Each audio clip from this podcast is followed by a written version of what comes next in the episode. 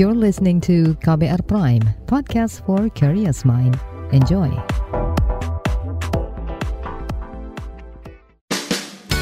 Saat yang Anda dengarkan Ruang Publik KBR yang dipersembahkan oleh Plan International Indonesia.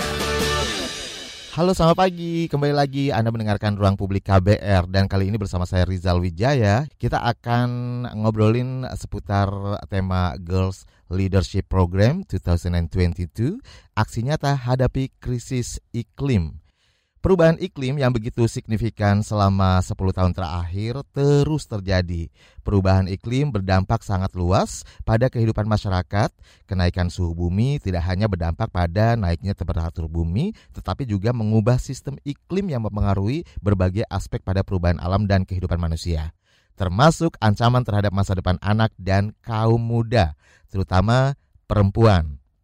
Nah, sebagai aksi nyata hadapi krisis iklim untuk memastikan kesempatan uh, setara bagi mereka, Yayasan Plan International Indonesia pada 19 Februari 2022 meluncurkan Girls Leadership Program on Climate Change 2022 dengan mengangkat tema aksi nyata hadapi krisis iklim.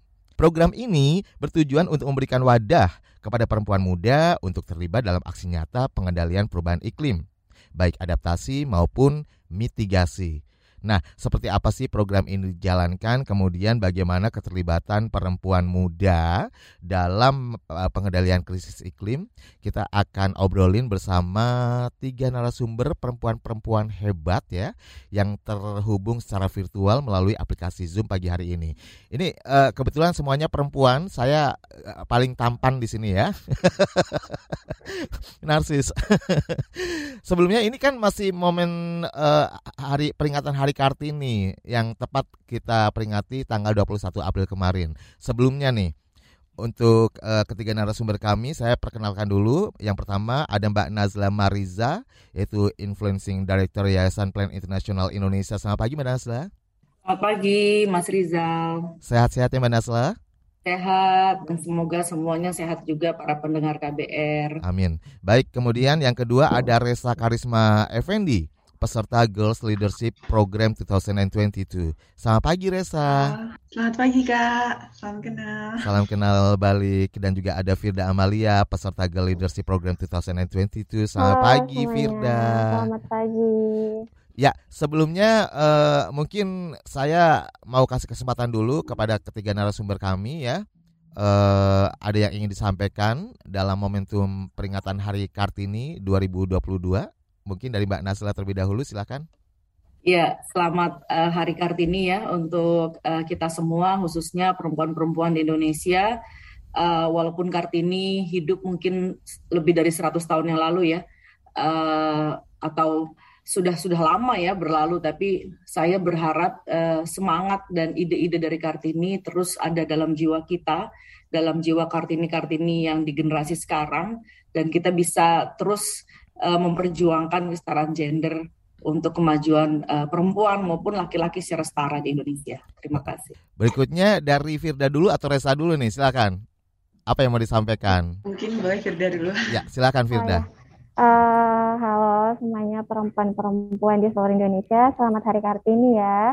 Semoga uh, Hari Kartini tidak hanya dirayakan dengan kebaya saja, dengan penampilan kebaya, tetapi juga benar-benar kita menginternalisasi nilai-nilai gerakan, perjuangan, dan idealisme seorang Kartini. Baik itu untuk memperjuangkan hak-hak perempuan, mencegah perkawinan anak, dan uh, semangat idealisme spirit pembangunan yang ada di dalam jiwa Kartini. Jadi bukan cuma kebayanya saja nih dirayakan, tapi juga pemikiran dan gerakannya. Oke. Okay. Oke, okay, keren banget Firda. Resa, Resa, silahkan Resa. Oke, selamat Hari Kartini semua perempuan yang ada di Indonesia. Jadikan Hari Kartini ini momen untuk kita mulai pergerakan untuk kontribusi nyata. Jangan hanya kita merayakannya saja, tetapi mari kita benar-benar berkontribusi untuk kelestarian lingkungan ini. Oh iya Kak, sekarang juga Hari Bumi ya. Selamat Hari Bumi juga untuk teman-teman semua yang ada di Indonesia dan di dunia. Oke, selamat Hari Kartini dan selamat merayakan Hari Bumi ya bagi kita semua. Ya, mudah-mudahan si uh, perempuan-perempuan hebat ini yang ber berada di talk show ruang publik pagi hari ini yang join bersama saya ya, ini akan terus bisa memperjuangkan meneruskan perjuangan RA Kartini uh, ke depannya dengan cita-cita luhurnya ya. Baik, dan yang pertama saya akan ke Mbak Nasla terlebih dahulu. Ini berbicara soal tema kita hari ini aksi nyata hadapi krisis iklim dari program Girl Leadership Program 2022. Nah, bisa dijelaskan terlebih dahulu. Kita uh, mungkin ke plan Indonesia-nya terlebih dahulu ya. Ini plan Indonesia memiliki perhatian khusus terhadap isu perubahan iklim. Sebenarnya apa sih yang melatar belakangi mengapa plan Indonesia concern terhadap hal ini? Ya, terima kasih Mas Rizal uh, ini menarik ya. Tadi juga uh, kami mendengar uh, dari siapa Resa ya. Uh, hari ini Hari Bumi dan kemarin Hari Kartini. Jadi ini kombinasi yang menarik nih. Kita punya program namanya Girls Leadership Program on Climate uh, Change ya. Jadi bagaimana kita ingin mendorong kapasitas anak perempuan ya dalam menghadapi berbagai uh, tantangan perubahan iklim.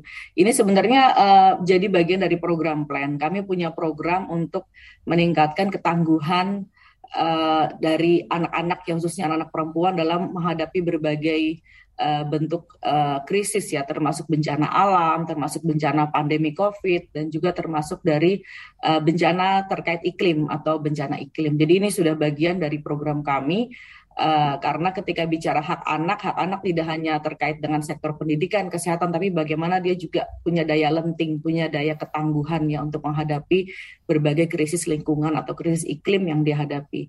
Dan kenapa kita uh, concern uh, dengan uh, perubahan iklim tahun ini, kita uh, ingin mulai uh, melihat ya, karena perubahan iklim ini kan sebenarnya punya dampak yang berbeda uh, kepada setiap orang Eh, di setiap lokasi, di setiap tingkatan masyarakat itu berbeda-beda tergantung dari kerentanan maupun kapasitas setiap orang dalam menghadapi dampak perubahan iklim. Dampak perubahan iklim ini kan misalnya eh, bencana-bencana hidro, hidrologis ya, misalnya banjir, kekeringan yang sangat panjang, gelombang uh, uh, panas dan dan sebagainya.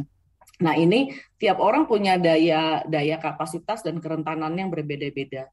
Dan orang yang dalam kondisi uh, termarginalkan, misalnya dia hidup dalam kemiskinan atau ketidakadilan secara struktural, di mana aksesnya terhadap pelayanan publik, aksesnya terhadap informasi itu lebih minim daripada orang-orang yang mungkin hidup di area yang lebih mudah ya untuk mengakses hal tersebut. Ini menjadi lebih rentan. Begitu juga dengan perempuan, anak-anak, lansia, penyandang disabilitas, orang-orang yang tinggal di pulau-pulau kecil atau daerah-daerah terpencil yang daerah tersebut juga rawan uh, ter, uh, terhadap apa bencana uh, iklim itu juga menjadi kelompok yang lebih lebih rentan dan memiliki kapasitas lebih rendah daripada orang-orang uh, yang mungkin sudah uh, apa tinggal di daerah yang mungkin tidak terlalu beresiko.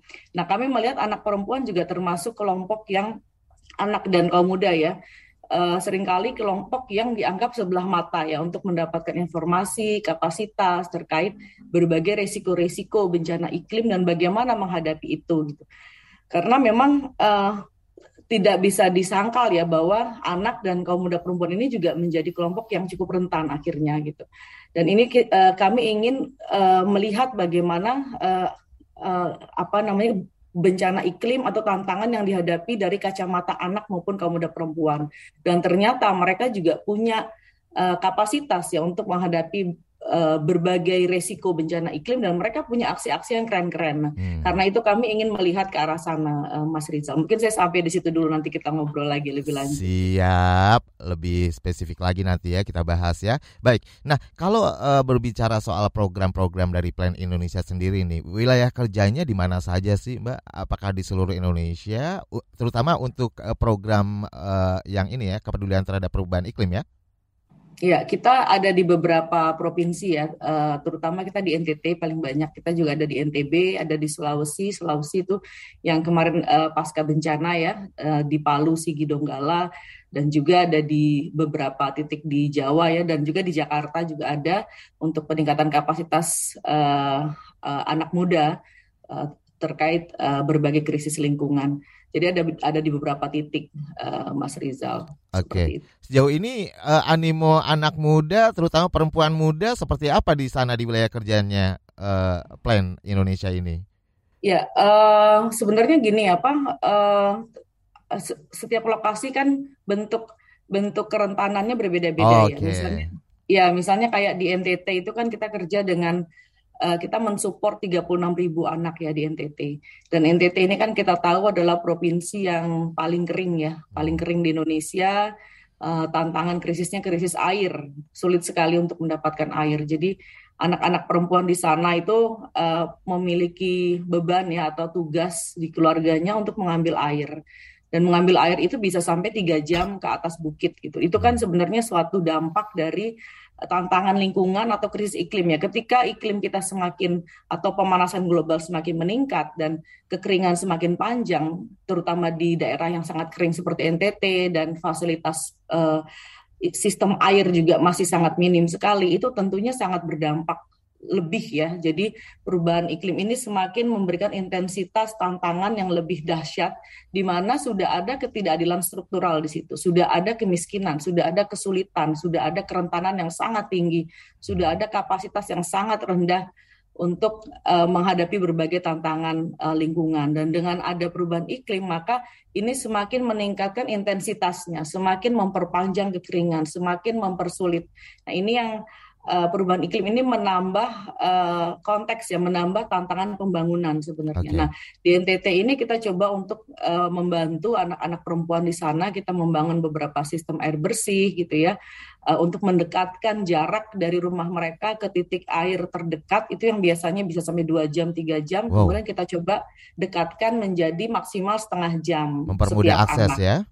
Betul, Baik. betul. Dan itu ya ya animonya sangat luar biasa ya. Mereka sangat terbantu sekali hmm. dengan sistem air bersih yang kita bangun di sana. Oke. Okay. Jadi setiap wilayah uh, setiap masyarakat intinya ya, ini akan berbeda-beda dampak yang dirasakan dari perubahan iklim ini, krisis iklim ini gitu ya, Mbak ya kurang lebih ya. ya. Oke. Okay. Ya. Baik, kalau dari Resa sendiri, Resa, Resa kalau boleh tahu asal dari Asalnya dari Kediri Kak, Kediri. tapi sering di Surabaya juga. Kediri, Surabaya, Jawa Timur ya. Oke. Okay. Ya. Nah, Uh, sekarang saya coba uh, cari tahu dulu nih ke Resa dan juga Firda. Sebenarnya menurut kalian berdua nih, mengapa sih anak muda dan perempuan muda ini harus uh, aware terhadap isu perubahan iklim? Saya dulu, Kak. Boleh? Ya. Kenapa sih uh, anak muda dan kaum muda harus aware terhadap isu perubahan iklim? Karena kita itu generasi penerus, hmm. di mana juga nantinya uh, perubahan iklim itu akan berdampak negatif yang benar-benar begitu besar terhadap kaum muda, eh terhadap para perempuan.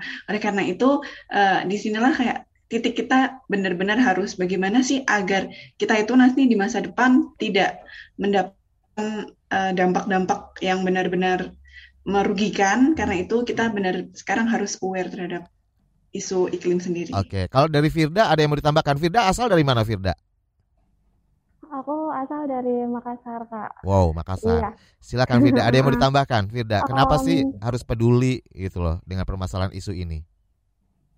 Iya, uh, karena apa ya? Kita sebagai kaum muda ya, khususnya Kak, kita ini yang nantinya akan menjadi generasi penerus yang akan menduduki jabatan-jabatan strategis, di pemerintahan, di sektor bisnis ataupun di sektor pengabdian masyarakat. Hmm. Oleh karena itu kita harus paham dulu nih sebelum kita mengambil keputusan yang lebih besar. Apalagi peran pemuda adalah agent of change ya. Kita bisa menginfluence orang-orang di sekitar kita. Uh, sebagai semangat muda kita punya uh, kita punya apa ya peluang yang lebih besar untuk bisa mengajak orang lain terlibat lebih banyak dan tentu saja semangat kita juga masih dalam full of charge ya, semangat kita, energi kita masih tinggi. Jadi kesempatan untuk melakukan perubahan itu juga semakin besar ada di tangan kita. Seperti itu Kak sih kalau dari Firda okay. tambahannya. Agen perubahan ya, penting nih ya. Hmm. Oke. Okay. Jadi uh, kalau berbicara soal dampak yang dirasakan nih, uh, terutama uh, untuk Reza dan juga Firda sebagai perempuan muda, kira-kira dampak dari krisis iklim yang terjadi selama ini apa sih yang dirasakan sebenarnya? Tapi nanti ya penjelasannya ya setelah jeda iklan. Kita harus uh, break dulu. Jangan ke mana-mana, kita akan kembali setelah jeda iklan berikut ini. Masih Anda dengarkan Ruang Publik KBR yang dipersembahkan oleh Plan Internasional Indonesia. Commercial break. Commercial break.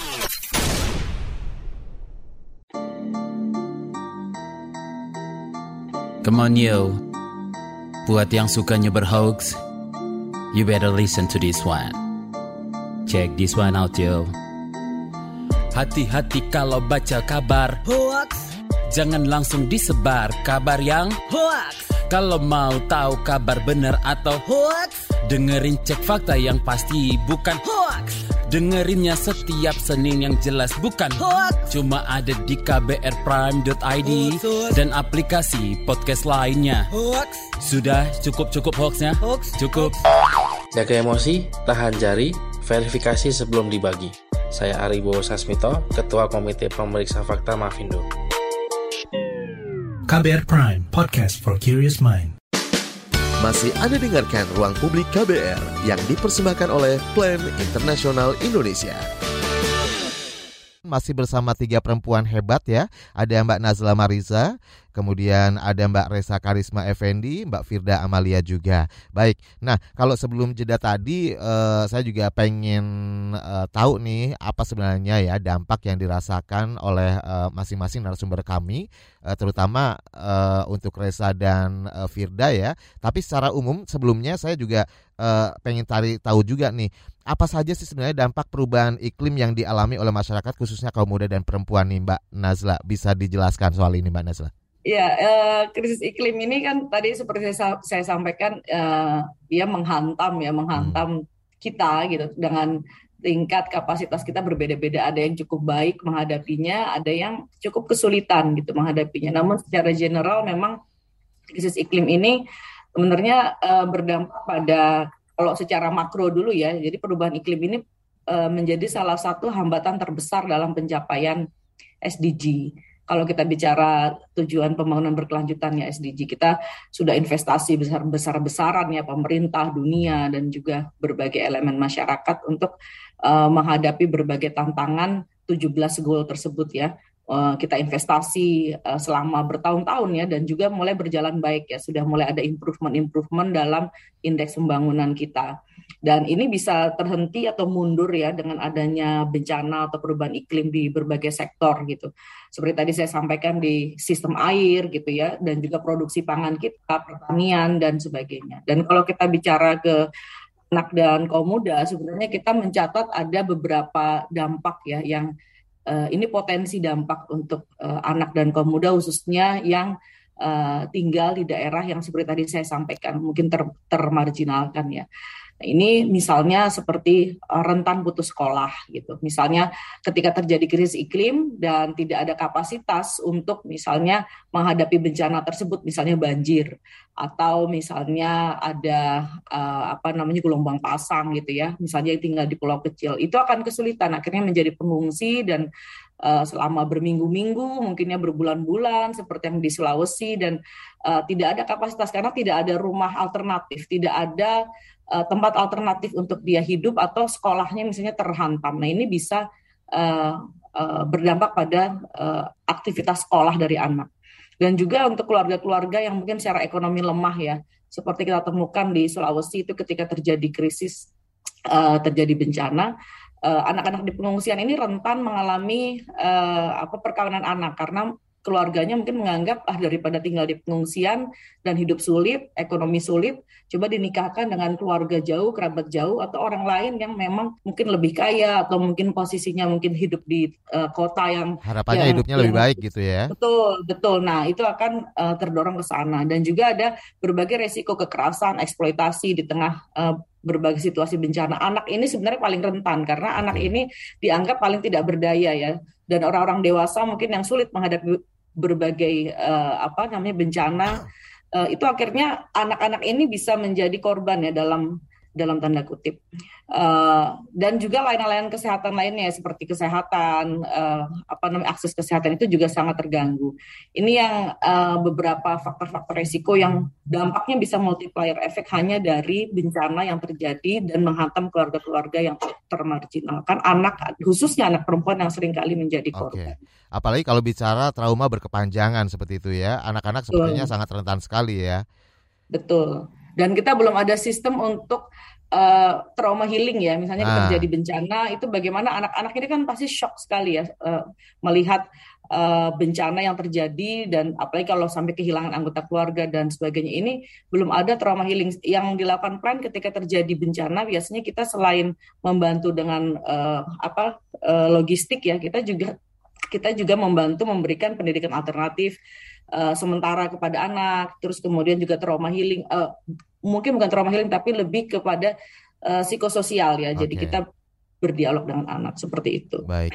Uh, dibutuhkan mungkin kayak misalnya pendidikan edukasi sosialisasi soal mitigasi uh, tangga bencana dan sebagainya betul, semakin betul. ditingkatkan ya karena tingkat betul. awareness di masyarakat juga uh, boleh dibilang mungkin uh, cukup belum belum maksimal gitu mungkin ya Betul, e, masyarakatnya belum maksimal, apalagi anak, apalagi nah. anak perempuan, karena anak perempuan ini e, tantangannya banyak karena selain dari segi usia dianggap masih anak-anak gitu ya, hmm. ya, sering kali oleh masyarakat kita, jadi dianggap belum untuk berdaya. informasi kan biasanya kan untuk orang-orang dewasa gitu. Nah, terus kemudian dia juga perempuan gitu, yang sering kali menjadi e, prioritas kesekian ya di hmm. di dalam keluarga atau target-target intervensi pembangunan biasanya kan orang-orang dewasa sehingga ketika terjadi bencana setiap orang kan menyelamatkan dirinya ini yang hmm. anak-anak anak perempuan sehingga kebingungan gitu ya okay. karena tidak terkapasitasi dengan informasi yang cukup hmm. uh, dan kita juga ada program sih Mas Rizal di sekolah-sekolah uh, namanya Safe School bagaimana meningkatkan kapasitas anak-anak uh, tenaga pendidik sekolah juga ya dalam menghadapi berbagai resiko bencana. Oke okay. baik dan sekarang ke Reza sama ke Firda uh, mungkin secara khusus nih ya uh, secara apa namanya pribadi apa sebenarnya dampak yang dirasakan dari krisis iklim ini bagi Reza dan Firda? Oke, terima kasih ya uh, Mas Rizal. Jadi tadi uh, secara umumnya sudah dibahas hmm. Kalau secara pribadi itu sebenarnya dampak perubahan iklim ini sudah sangat terasa juga nih. Uh, contoh simpelnya nih, perubahan iklim kan menyebabkan cuaca itu tidak menentu ya kadang kita sudah buat planning, buat project outdoor karena kita kiranya ini udah musim kemarau nggak ada hujan. Eh tapi tiba-tiba turun hujan yang deras banget. Itu kan salah satu dampak yang paling simple tapi terasa banget ya. Hmm. Semua rencana kita jadi kacau, iya. tidak berjalan sesuai dengan schedule dan lain sebagainya. Mungkin bisa panggil Mbak Rara. Selain, ya, uh, kemudian selain uh, dari cuaca yang tidak menentu tadi, ya kita juga semakin merasakan panas bumi yang semakin naik ya karena salah satu dampak krisis iklim ini pemanasan global ya. Betul. Gimana ketika siang hari uh, dulu tuh rasanya siang hari dalam rumah kalau ada pohon ya di depan rumah itu agak rindang kan, nggak terlalu panas. Tapi sekarang kayaknya harus uh, kipas-kipas di dalam rumah soalnya kayak udah panas banget cuacanya.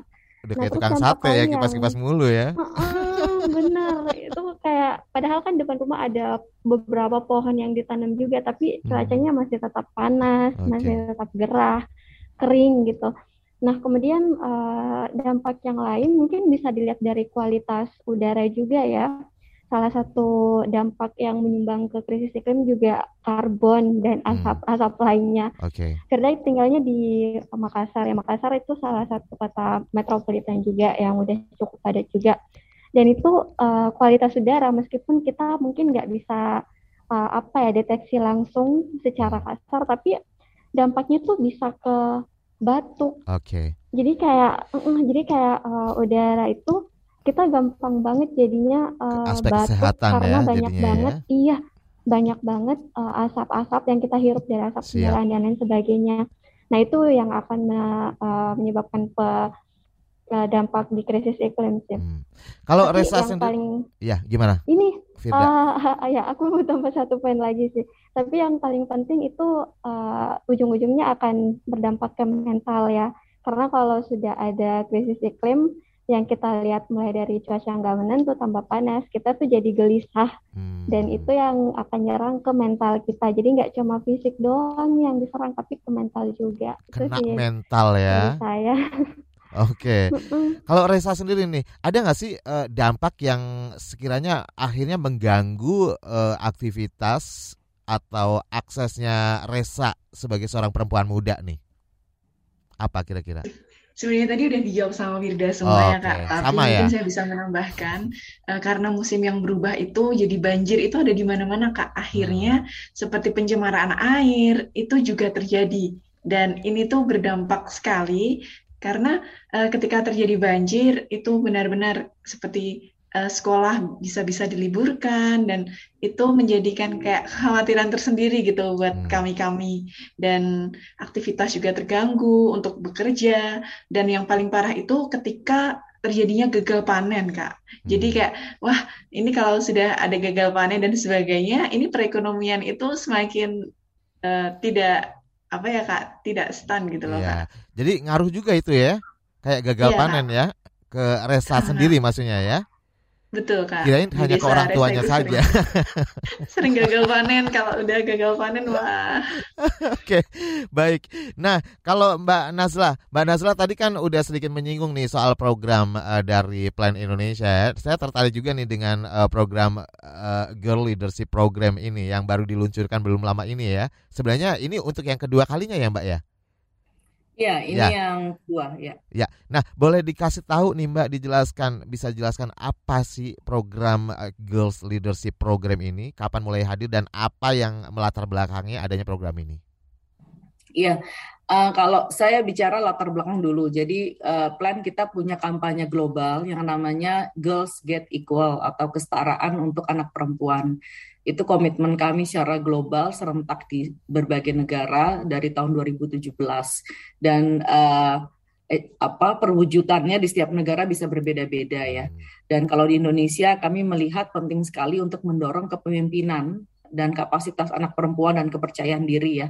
Eh, eh, agensi anak perempuan untuk dia sadar tahu apa haknya, kemudian dia paham bahwa oh saya juga punya hak yang sama setara dengan anak laki-laki, kaum muda laki-laki, dan eh, kemudian kita dorong ya eh, anak-anak untuk bisa lebih eh, berani untuk maju dan berani take position gitu. Hmm. Ini ada ada tiga hal yang ingin kita dorong. Jadi anak-anak juga punya power, mereka punya kebebasan berekspresi, berbicara, berpendapat, dan juga bisa merepresentasikan dirinya dan juga kelompoknya, kelompok perempuan di di mata publik. Itu yang jadi latar, Latar belakang. belakang. Sehingga ya kita desain Girls Leadership Program ini program untuk mencetak girl leaders, girl leaders gitu ya. Girl ini bukan hanya anak-anak tapi dari usia 15 sampai 24 kaum muda juga. Nah, itu yang ingin kita dorong.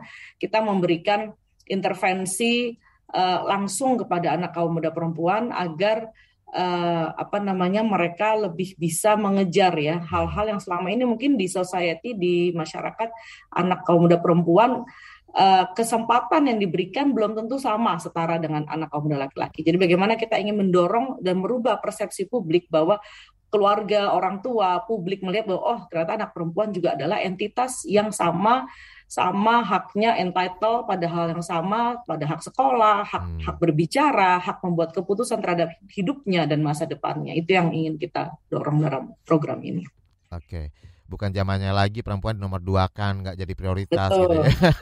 Betul, iya dan eh, tahun lalu itu kita yang pertama kali kita bersama Ibu Sri Mulyani Indrawati ya sebagai prinsipal mentor. Jadi sebagai mentor kepala sekolah lah, kepala Hmm. sekolah mentor untuk eh, sekitar 120 girl leader saat itu. Temanya bagaimana anak perempuan ini eh, perlu eh, apa namanya punya aspirasi ya Hmm. untuk terus menempuh pendidikan dan juga mungkin eh, melihat bidang-bidang yang selama ini dianggap eh, untuk laki-laki, misalnya matematika, teknik Ah, gitu ya, oke. science gitu. Nah itu eh, Ibu Sri Mulyani berusaha untuk menginspirasi ke arah sana dan ada mentor-mentor yang lain pastinya eh, dari influencer dan kaum muda lainnya. baik. Ini tahun kedua. Sekarang prinsipal mentornya Pak Sarono Kusma Atmaja. Beliau dulu menteri ya, selama di tiga posisi yang berbeda dan sekarang menjadi staf ahli menteri uh, lingkungan, lingkungan hidup dan kehutanan. Jadi mudah-mudahan juga bisa menginspirasi. Berapa anak muda perempuan yang tergabung saat ini, Mbak?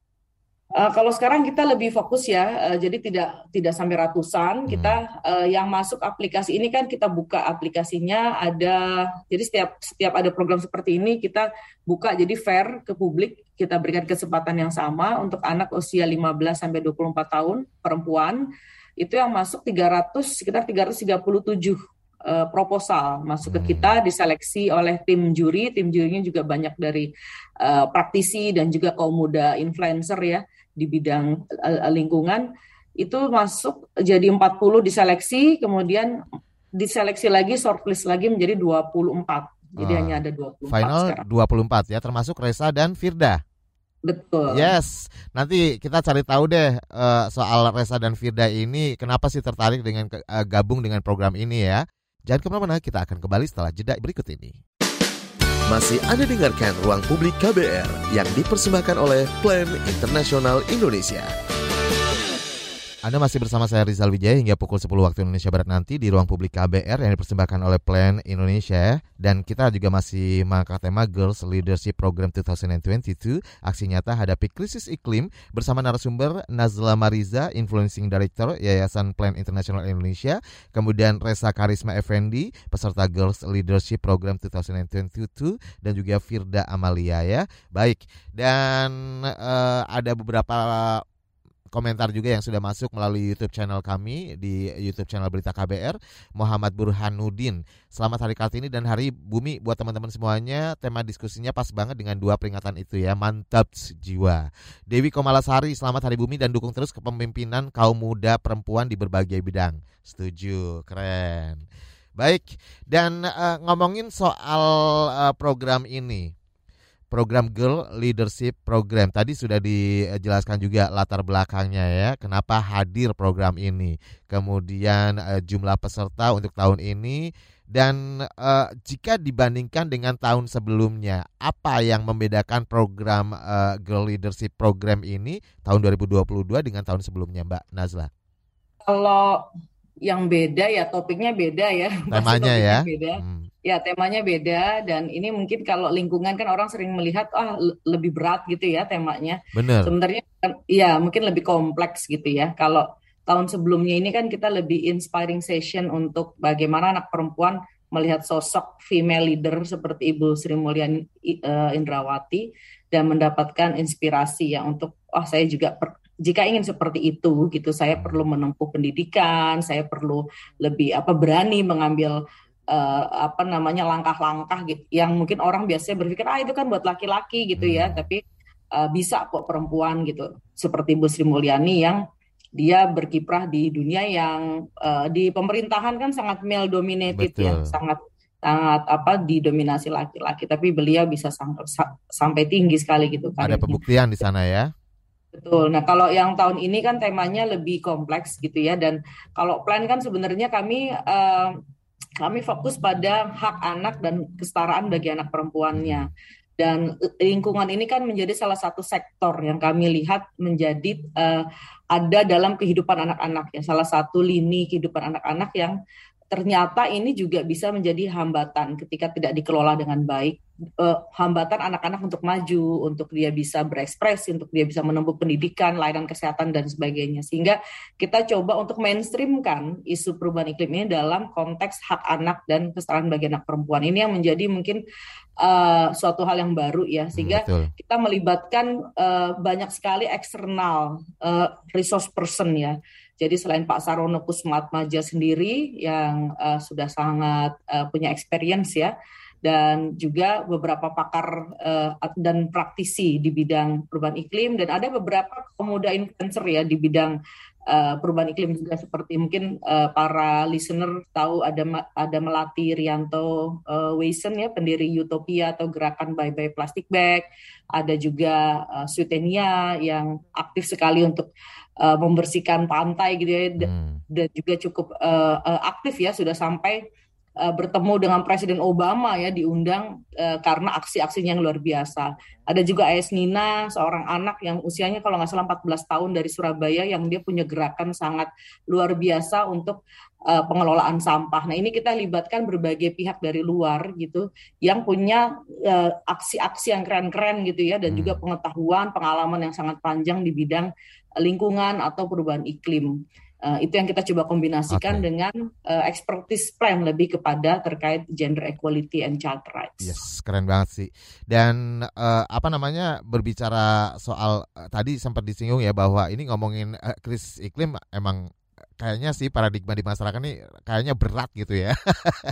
Gimana caranya biar jadi perbincangan atau obrolan anak-anak muda sehari-hari ketika nge-mall ngobrolnya soal perubahan ya. iklim ya nggak sih? Itu bakal keren banget sih. Nah kalau buat Reza dan juga Firda nih, kenapa sih tertarik uh, untuk gabung di program ini? Eh tapi sebelumnya ada penelpon. Ada penelpon nih dari Bekasi, ada Vinka. Selamat pagi Vinka.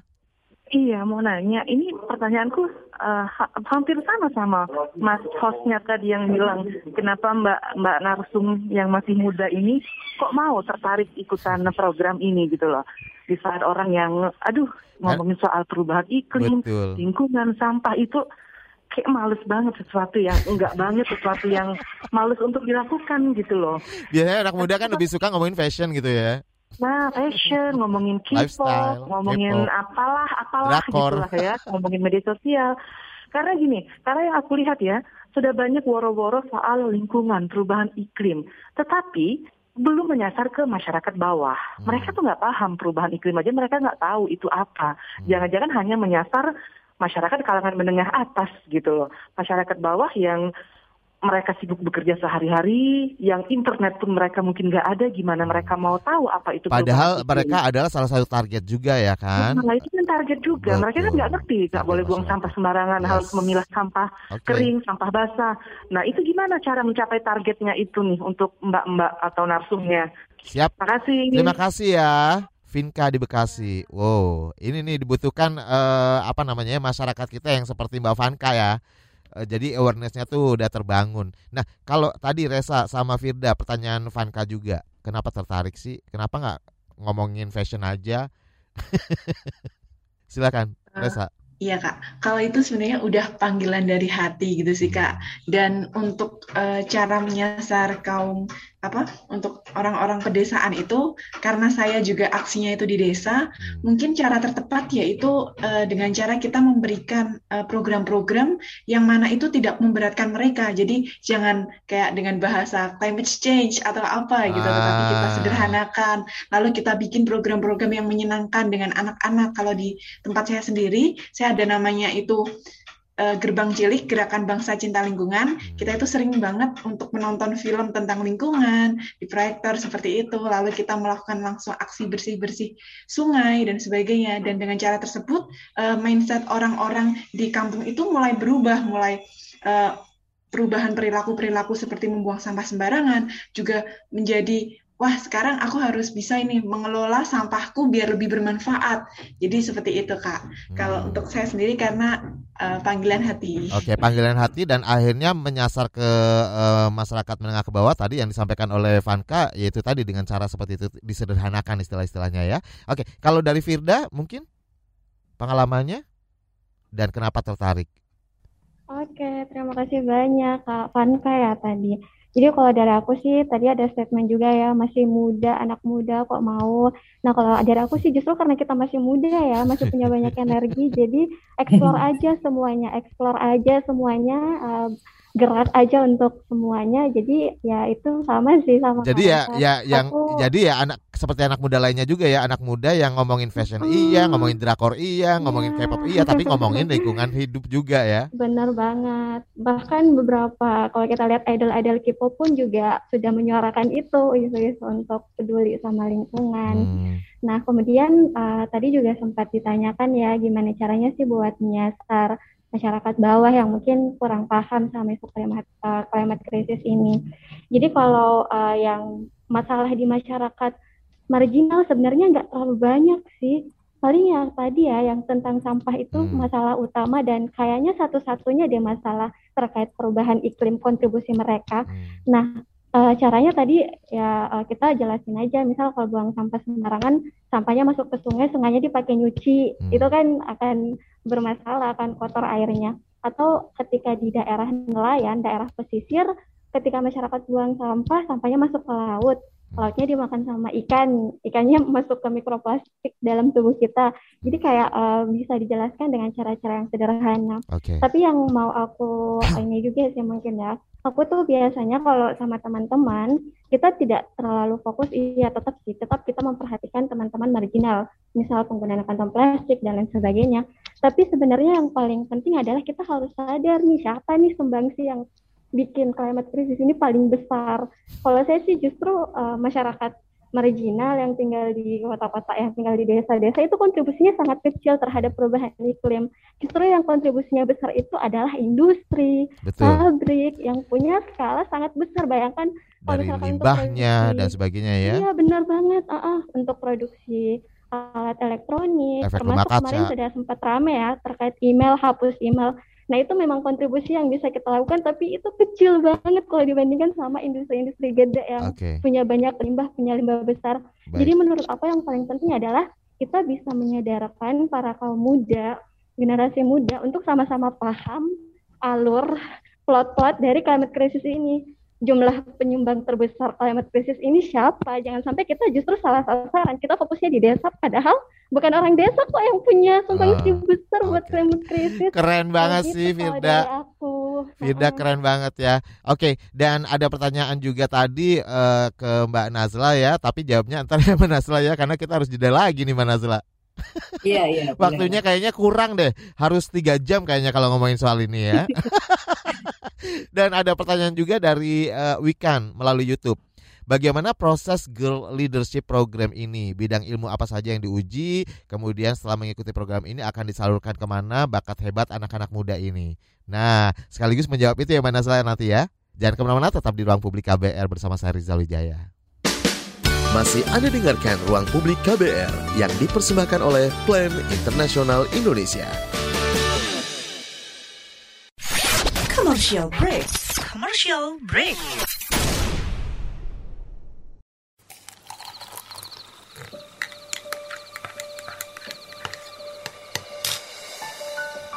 Hai, kamu apa kabar? Masih suka menikmati senja dan kopi? Aku masih ingat kebiasaan kita. Sehabis pulang kerja, selalu mencari tempat untuk sekedar ngobrol dan ngopi. Tapi kadang kita kehabisan bahan obrolan. Aku masih melakukan hal yang sama sampai sekarang tanpa harus takut habis bahan buat ngobrol. Karena aku selalu mendengarkan KBR sore dari Senin sampai Jumat jam 4 sore. Ah, aku rindu. KBR Inspiratif Terpercaya.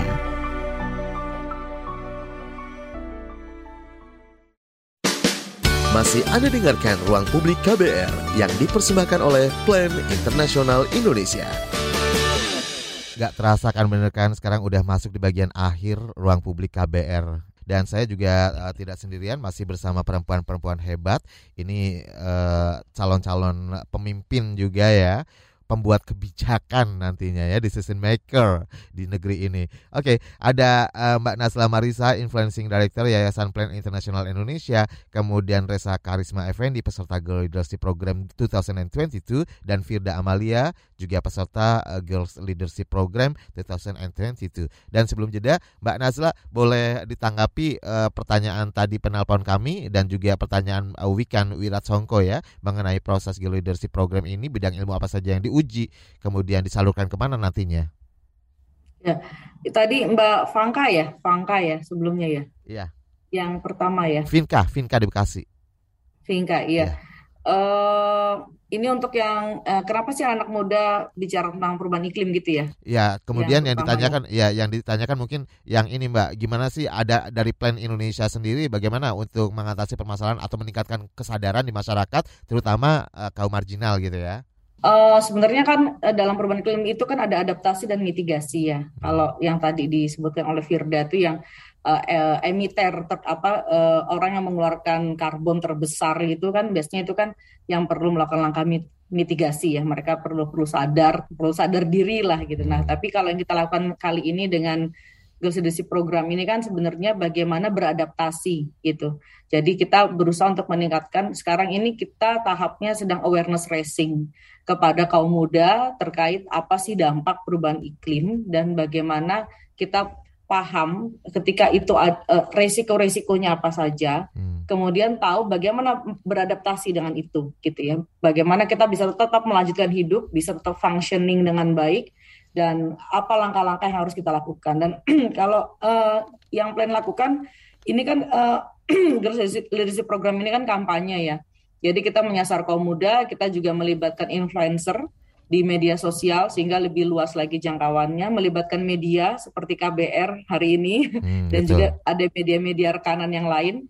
Jadi kami targetnya awareness raising sebanyak-banyaknya masyarakat khususnya anak kaum muda itu paham. Jadi kalau tadi katanya wah kan uh, kaum muda lebih seru ngobrolin fashion atau make up misalnya. Betul. Tapi saya melihat sekarang gerakan lingkungan tuh udah banyak gitu, banyak sekali dan sudah mulai bermunculan daripada mungkin 20 tahun lalu ketika saya awal-awal kampanye tentang lingkungan tuh kayaknya lingkungan something yang berat gitu ya. berat ya. Tapi kalau sekarang Iya, sekarang udah mulai orang bikin bank sampah, orang bikin ekoenzim, orang pilah sampah. Jadi sebenarnya gerakannya udah mulai banyak dan kita ingin berkontribusi khusus menekankan awareness raising untuk anak dan kaum muda. Dan kalau di rural kita juga ada program-program development ya seperti tadi saya sampaikan kita uh, membantu sekolah untuk lebih memiliki daya lenting terhadap berbagai potensi risiko bencana di sekolah. Kita punya program Safe School, kita punya program Urban Nexus di Jakarta di dua kecamatan untuk uh, meningkatkan kapasitas kaum muda terkait risiko yang dihadapi di di Jakarta ya konteks konteks Jakarta misalnya banjir dan sebagainya. Hmm. Kemudian kita juga setiap kali ada bencana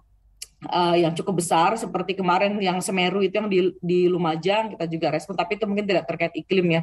Dan juga uh, bencana di Lombok bencana di, di Sulawesi kita merespon. Itu yang kita lakukan cukup cukup banyak sebenarnya dari respon langsung kemudian peningkatan awareness meningkatan kapasitas daya lenting ketangguhan anak sekolah dan juga advokasi ke pemerintah. Itu it, uh, itu juga kita lakukan. Hmm. seperti itu mungkin uh, Oke. Okay. Uh, Mas nah, Rizal. Nah, pertanyaan Mas Wikan tadi uh, ke depannya dari uh, program ini sebenarnya seperti apa sih kelanjutannya dari seleksi? Iya, seleksi. Iya, tadi ada pertanyaan seleksi ya. Jadi kalau seleksi itu kita uh, kita buka ke publik dan kita berharap sebenarnya lebih banyak lagi publik yang tahu karena itu kita perlu bantuan dari berbagai mitra ya termasuk media untuk menyebarkan program-program seperti ini. Karena kalau dari plan kan kapasitas kita terbatas kita punya media sosial Instagram, Facebook, Twitter kita sebarkan. Setiap kali ada program uh, seperti Girls Leadership program ini kita punya banyak program sebenarnya uh, yang lain. Jadi setiap kali kita menjalankan program itu kita open open for for publik sebenarnya. Jadi uh, stay tune aja di media sosial kita gitu ya. Uh, waktu kita buka registrasi sekitar dua minggu itu yang apply beberapa ratus orang dan proses seleksinya adalah kita lihat anak yang punya uh, apa namanya punya aktivisme. Jadi dia bukan orang yang ah coba-coba ah baru-baru uh, seru nih programnya plan enggak, tapi dia sudah punya komunitas, dia sudah punya track record, dia sudah punya intervensi di lapangan di komunitasnya. Seperti Resa tadi dengan programnya gitu ya. Betul betul hmm, betul kemudian Firda. mereka bikin betul mereka bikin proposal gitu ya menjelaskan kalau dapat program dari plan ini dia akan melakukan apa dengan komunitas tersebut gitu ya dan kita ada seleksinya dari seleksi proposal wawancara gitu uh, dari 40 orang kita wawancara jadi 24 nah ini yang uh, uh, ada proses seleksinya. Kenapa kita pilih yang sudah menjadi penggerak di komunitas? Karena supaya sustainable. Kalau misalnya orang baru ikut, cuma ikut tiga bulan, terus setelah itu selesai gitu ya. Jadi kita pengen yang sudah dua tahun, tiga Buat tahun. Buat set apa gitu. aja nggak cukup itu. Betul, betul seperti itu. Oke, okay. nah uh, apa namanya untuk Resa dan juga uh, Firda. Kalau Resa tadi kan udah dijelasin ya ada program apa Resa tadi menarik tuh namanya. Gerbang Cilik, eh, Gerakan uh, Bangsa Cinta Lingkungan, iya. Kak. Kalau dari Firda sendiri apa nih yang akhirnya uh, menjadi apa namanya dimasukkan ke dalam program ini, Firda? Iya, uh, kalau aku base-nya di Makassar ya, kemarin hmm. proyekan uh, aku mengajak kita nama kegiatannya Yat for Climate Action Makassar. Hmm. Aku mengajak total ada kurang lebih 100 orang anak muda yang berpartisipasi di program ini. Seperti yang dijelaskan Ibu Nazila, uh, tujuan utamanya kan kita raising awareness ya. Hmm. Nah, itu uh, yang menjadi uh, latar belakang aku juga kenapa memilih untuk mengumpulkan banyak anak muda karena uh, saya berpikir anak muda ini ketika kita sudah berikan uh, pemahaman, ketika mereka sudah tahu terkait dampak lingkungan dan lain sebagainya, mereka yang akan kemudian bergerak. Jadi sistemnya itu kayak ranting pohon loh. Mulai dari aku ke 100 orang anak muda ini, nanti 100 anak muda ini ke anak muda lainnya, baru deh mungkin ke anak muda lainnya menyasar anak muda-anak muda lainnya lagi. Jadi uh, diusahakan untuk tidak terputus sampai di situ. Siap, kayak MLM ya. Kalau Iya, kurang lebih kayak gitu. Kemarin itu ada dua kegiatan ya. Yang pertama hari pertama itu kita bersih-bersih pantai hmm. di Makassar kan uh, kota pesisir juga dan itu uh, sangat berpengaruh juga uh, dengan nelayan yang menangkap ikan dan yang tadi disebutin Resa terkait banjir. Di, di Makassar sudah mulai banjir selain hmm. karena resapan tanah juga ya yang udah hmm. sangat kurang itu uh, sampah laut juga sangat mempengaruhi tercemarnya air di sana. Okay. Kemudian hari kedua ada penanaman mangrove. Kita uh, menanam 300 bibit mangrove di uh, pusat konservasi mangrove di Makassar. Karena lagi-lagi Makassar salah satu kota yang penyumbang asap banyak juga kendaraan dan pabrik. Jadi kita merasa perlu untuk menanam ekosistem, Siap. membangkitkan dan memperluas ekosistem mangrove ya. untuk mengikat karbonnya. Jadi okay. seperti itu sampai sekarang keren banget Firda. kita punya Jangan pernah putus asa ya Firda ya, harus terus uh, berjuang bersama teman-teman di sana. Dan Mbak Nazla, uh, harapan ke depannya nih uh, dari Plan Internasional Indonesia sendiri seperti apa? Adakah rekomendasi yang ingin disampaikan? Ya, uh, saya berharap uh, uh, ini kan satu satu hal yang mungkin kecil ya yang yang dilakukan oleh PEN Indonesia itu besar sekali. Dan saya yakin ada banyak orang-orang yang juga punya misi-misi yang sama visi-visi yang sama tapi mungkin scattered gitu ya. Dan saya berharap sekali uh, apa pun yang kita lakukan itu kita juga melihat secara secara holistik. Jadi isu lingkungan perubahan iklim ini bukan hanya miliknya orang dewasa, bukan hanya miliknya para pembuat kebijakan, bukan hanya miliknya para aktivis-aktivis yang sudah senior, tapi seperti tadi perlu dibumikan, perlu melibatkan masyarakat dan juga anak kaum muda, perempuan khususnya menurut saya penting sekali untuk dilibatkan. Ini saya saya berpesan gitu ya supaya kita lebih adil, kita melihat bahwa perlu ada wadah, perlu kesempatan. Berikanlah mereka kesempatan juga untuk tahu, paham gitu ya, sehingga uh, ketika orang tidak paham orang jadi jadi ignorant gitu ya. Betul. Nah, bagaimana kita bisa melibatkan dan memberikan kesempatan yang setara untuk anak perempuan untuk terlibat, dapat informasi, duduk di ruang pembuat keputusan, mereka mereka di, uh, dilibatkan dalam berbagai diskusi-diskusi.